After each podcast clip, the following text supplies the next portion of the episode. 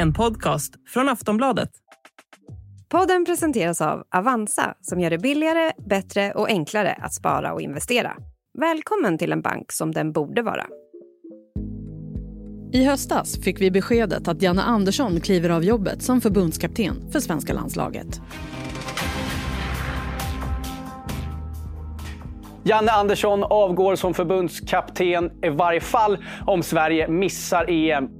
Ja, och sen dess så har det spekulerats och snackats om vem som ska ta över.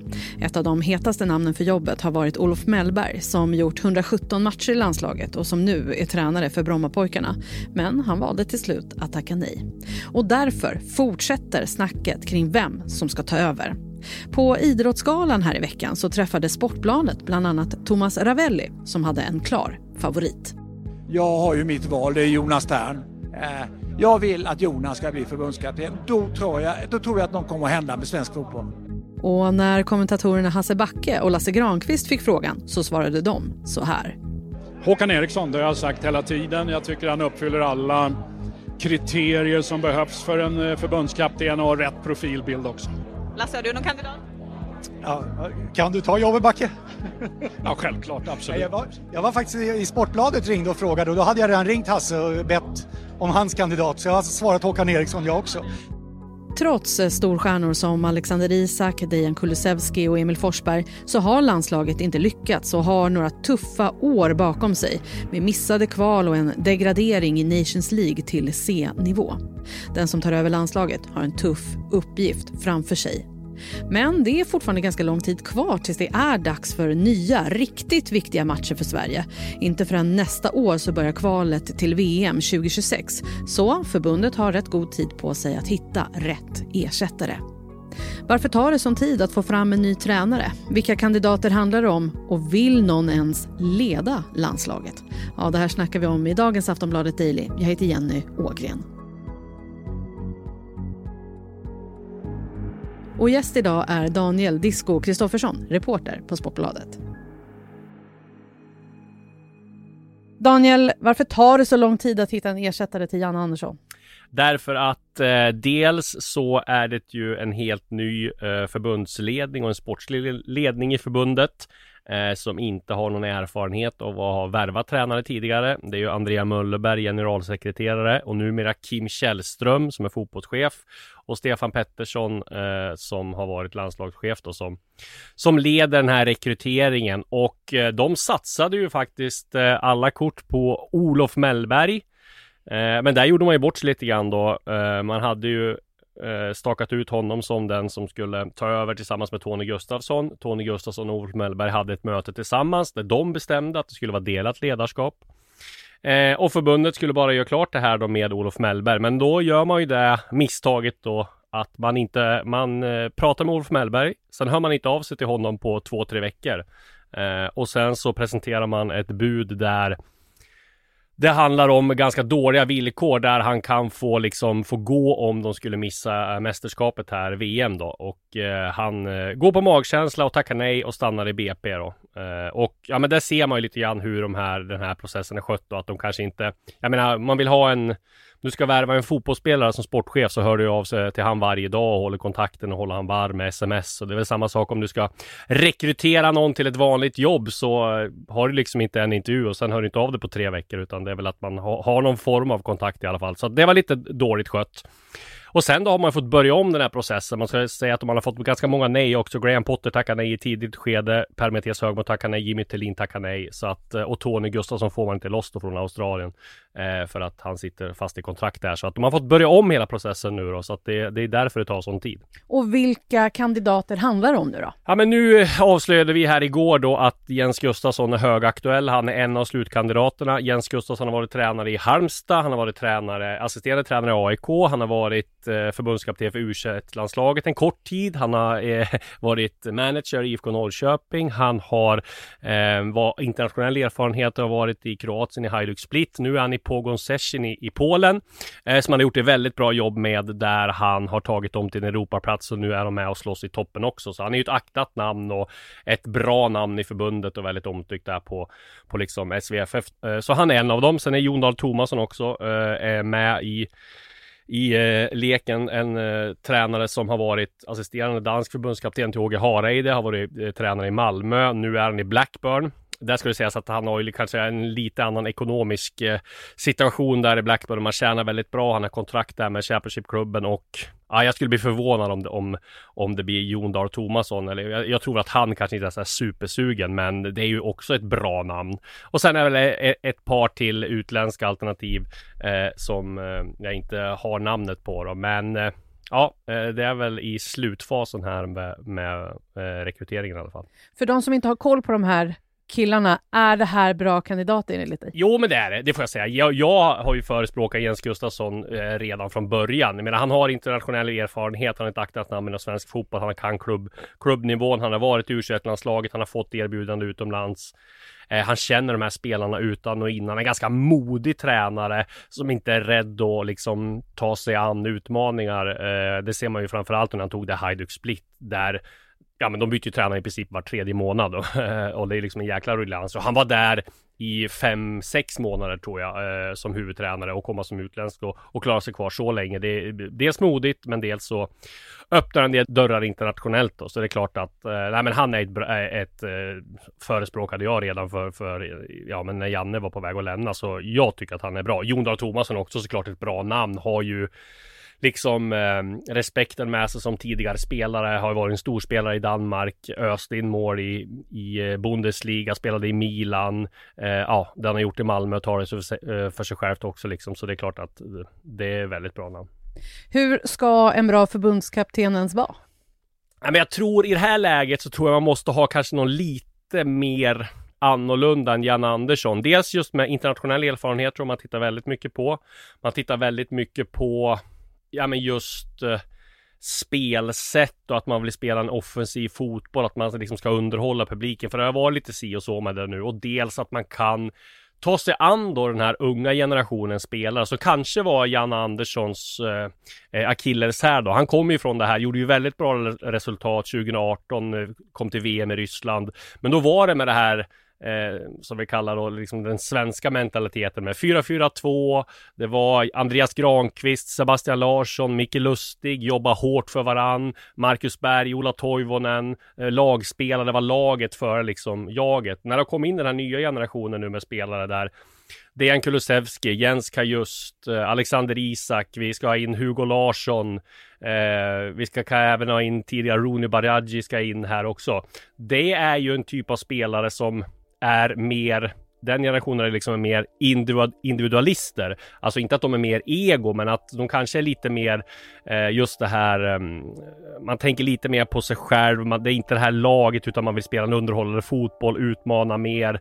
Eh, det handlar mer om att liksom eh, spela en eh, offensiv fotboll och jag tror att Janne hade svårt eh, att nå fram till den här generationen, så man vill ha en tränare som liksom kan nå den här generationen också, som är van att släppa fram unga spelare och det har ju Jens Gustafsson visat att han har gjort. Han har ju haft u landslaget Han har släppt fram väldigt många unga spelare i, i de klubbar han har varit i. Så att eh, det är också en viktig del som, som förbundet tittar på tror jag. Vi ska snart prata mer med Daniel Kristoffersson. Vi tar en kort paus.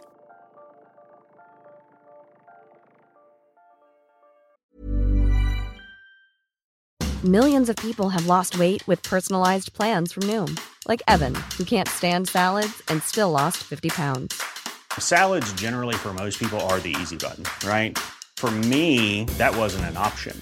I never really was a salad guy. That's just not who I am. But Noom worked for me. Get your personalized plan today at Noom.com.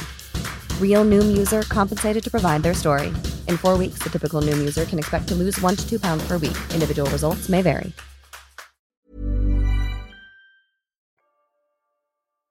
Man tänker också att det här är en form av hedersuppdrag. Eh, vill någon ens vara förbundskapten? Ja men det är ju det som har blivit problem och det är där jag tror också att de här de nya förbundsledningen, de är Reinfeldt, Andrea Möllerberg och de här, de tro, har trott att det här uppdraget är så pass eh, hedersamt att vi kan locka till oss nästan vem vi vill. Jag tror man har fått li, lite in en arrogans där också att om vi tittar på just de tränarna då, som, som, som finns tillgängliga som skulle vara aktuell så jag menar Per-Mattias Högmo drog till Japan för att tjäna pengar. Han har tidigare haft den här förbundskaptensrollen, så för han var det viktigare med klubblaget. Jimmy Tillin blev inte heller, han är inte färdig med sin klubblagskarriär. Eh, för man ska säga det att skriver man på för Svenska Fotbollförbundet, ja då eh, signar man ju upp sig på många, rätt många år. Och har man då inte haft eh, liksom speciellt många klubbar utan man vill, man vill kanske utomlands eller man eh, som, som tränare så, så blir det kanske liksom ett steg eh, neråt, inte neråt, men kanske man, man tar bort den här chansen eh, när man ska smida medan järnet är varmt på en sån som Jimmy Tillin till exempel, så kanske vi rida på den här vågen och framgångsvågen har haft i Elfsborg. Så jag tror inte eh, att eh, det är så attraktivt som, som många eh, föreställer sig. Sen är det klart att det är ett jättefint jobb och jag tror att typ en sådana som Jon Dahl Tomasson, Jens Gustafsson och de här tror jag tycker att det är väldigt bra. En sån som Tony Gustafsson tror jag också hade tagit det direkt om han hade fått det liksom. Så att eh, jag tror det är var tränarna befinner sig i karriären och vad man har liksom för plan för sin, sin karriär framöver. Och då kan det komma lite olägligt här för förbundskaptensjobbet just nu om man är framgångsrik i en utländsk klubb eller man har utländska anbud. Jag undrar också, är det bra betalt?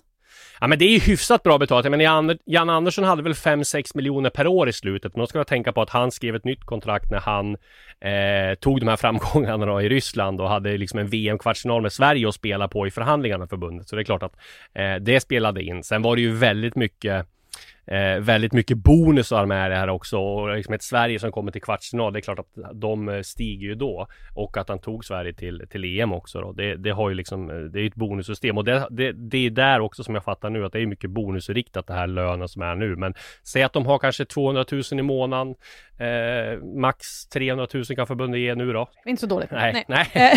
Eh, det har inte gått jättebra för landslaget den senaste tiden. Det är väldigt långt kvar till Sverige kan bli aktuella i ett stort mästerskap igen. Hur hur tufft uppdrag kommer det bli för den nya tränaren? Nej men jag, jag är ju tvärtom lite grann mot för många tycker att det är så fantastiskt eh, eller så väldigt dåligt inom svensk fotboll och sådär. Och det är klart att vi har arbete att göra med talangutveckling. Vi har eh, arbete att göra med breddfotbollen, med satsning, tidig satsning och eh, liksom hur får vi fram mer unga spelare? Hur får vi ta, kan vi ta bättre betalt? Eh, men tittar man enbart på det vi pratar om nu, alltså förbundskaptensjobbet och herrlandslaget så den förbundskapten som kommer in nu, det skulle jag vilja säga nästan, det, det har de absolut bästa förutsättningarna att lyckas om man tittar av, i en tioårsperiod. För här har du spelare som är ordinarie och eh, liksom framträdande och liksom stjärnor i några av de största ligorna i Europa. Du har Alexander Isak som öser in mål i Premier League trots att han har varit skadad. Du har Dejan Kulusevski som är en av Tottenhams bästa spelare. Du har Jens Kajust som spelar i Napoli. Du har Hugo Larsson som är ordinarie i Eintracht Frankfurt. Du har Robin Olsen som aldrig gör en dålig landskamp och som spelar i Premier League, inte regelbundet, men han är i alla fall en säker pjäs att, att lita på liksom. Du har Viktor Gyökeres som har gjort en helt fantastisk säsong. Eh, du har Victor Nilsson Lindelöf som ändå spelar regelbundet i Manchester United. Du har Isak Hie som precis har gjort ett byte till Atalanta. Ludvig Augustinsson i Anderlecht. Du har Emil Holm som gör det fantastiskt i en klubb i Serie A och, och liksom är aktuell för Juventus och Inter. Och det är ju jättebra liksom. Sen tittar man på generationen som kommer underifrån i u Där har du Yassin Ayari, du har Roni Baraji, du har väldigt många unga spelare också som är utvecklingsbara och som är på väg att ta nästa steg. Så att det finns alla förutsättningar att, eh, att lyckas med herrlandslaget i, i fotboll. Jag skulle säga att det, det är nästan omöjligt och misslyckas. Det blir spännande att se hur det går sen. Ja. Daniel, det har ju varit mycket snack om Sven-Göran Eriksson eh, den senaste tiden. Han mm. är ju Sveriges mest framgångsrika tränare internationellt genom tiderna, ja. tänker jag. Varför har Sverige knappt några tränare som lyckas utomlands på här sidan? Därför att det är extrem konkurrens. Eh, där skulle jag säga att där, där, man ser liksom ett mönster så är ju det att eh, svenska tränare eh, som kommer utanför liksom Skandinavien är ju väldigt få. Däremot när man väl har fått chansen att komma utanför Skandinavien, även om man misslyckas några gånger, så har man ändå gett sig ett namn. Och det är därför vi ser att många tränare från Allsvenskan tar chansen så fort det går eh, och komma utomlands. Men sen vad det beror på att vi inte får fram någon stor tränare, dels tror jag det handlar liksom att Sverige är ett litet land, vi kanske inte har den här eh, liksom tränartraditionen. Dels har vi ju, alltså man ska ju tänka på att det är väldigt svårt och väldigt så här, vad ska man säga, ja, men ga, inte gammeldags, men det är väldigt administrativt. Här måste du ha liksom Uefa-prov för att du måste vara vä väldigt utbildad, du ska ha referens på papper liksom. Det är det viktiga. Det är viktigt att du har din utbildning på papper än att man till exempel utomlands eh, får chansen där det kanske inte är lika stor utbildning och då får du liksom jag tror så här att det är väldigt många eh, tränare som faller bort på grund av att vi är så liksom eh, paragrafryttare in, inom Sverige att du måste ha, du måste gå Uefa Pro, du måste ha den licensen, du måste gå den kursen. Så att, ja, nej, vi har en del jobb att göra just på tränarfronten. Så Daniel, vilken, vem är din favorit till? Nej, men just nu får jag läsa ända Jens Gustafsson då. Jag, jag vill ändå se, jag, jag, jag, jag, tror att han skulle vara jättebra. Jag tror ändå att han har en fördel av att han är just en svensk förbundskapten. Att man inte ska ta en dansk som kommer hit eller någon utländsk eller sådär. Visserligen skulle eh, det här kanske vara lite uppiggande och sådär också, men jag tror ändå just den här identiteten med att kunna liksom representera Sverige så är det viktigt att ha en, en svensk. Jag tror också att Jens är väldigt bra på att representera ett landslag eh, utåt sett mot liksom supportrar, mot sponsorer och, och sådär. Och jag tror att han ändå har en hög status bland spelarna. Så att, eh, jag, jag, om jag får, måste gissa nu så tror jag det blir han. Och när har vi ett resultat? Nej, men vi har väl det om två veckor säger det, inom två, tre veckor. De har ju sagt att det ska vara klart innan mars då, innan den här landskampen mot Portugal. Så att de har väl ett, ett tag på sig att jobba. Och de har ju sagt då, både Kim Källström och Andrea Möllerberg som leder den här processen, att det eh, är viktigare att det blir rätt än att det går snabbt. Men eh, om några veckor, en månad, så tror jag det är på plats. Du kommer hålla oss uppdaterade, är Det lovar jag att göra. Daniel, tack för idag. Tack så jättemycket. Sist här Daniel Kristoffersson, reporter på Sportbladet. Jag heter Jenny Ågren och du har lyssnat på Aftonbladet Daily. Håll utkik på sportbladet.se eller i Aftonbladets app för det senaste kring vem som ska bli förbundskapten. Vi hörs snart igen. Hej då!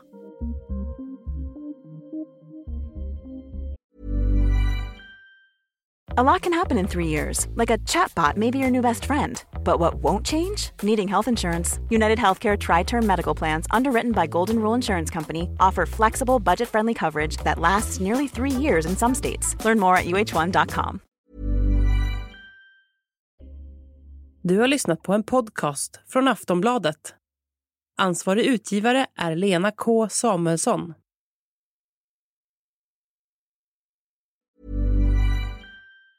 Tired of ads barging into your favorite news podcasts? Good news. Ad-free listening is available on Amazon Music for all the music plus top podcasts included with your Prime membership. Stay up to date on everything newsworthy by downloading the Amazon Music app for free or go to amazon.com slash news ad free. That's amazon.com slash news ad free to catch up on the latest episodes without the ads.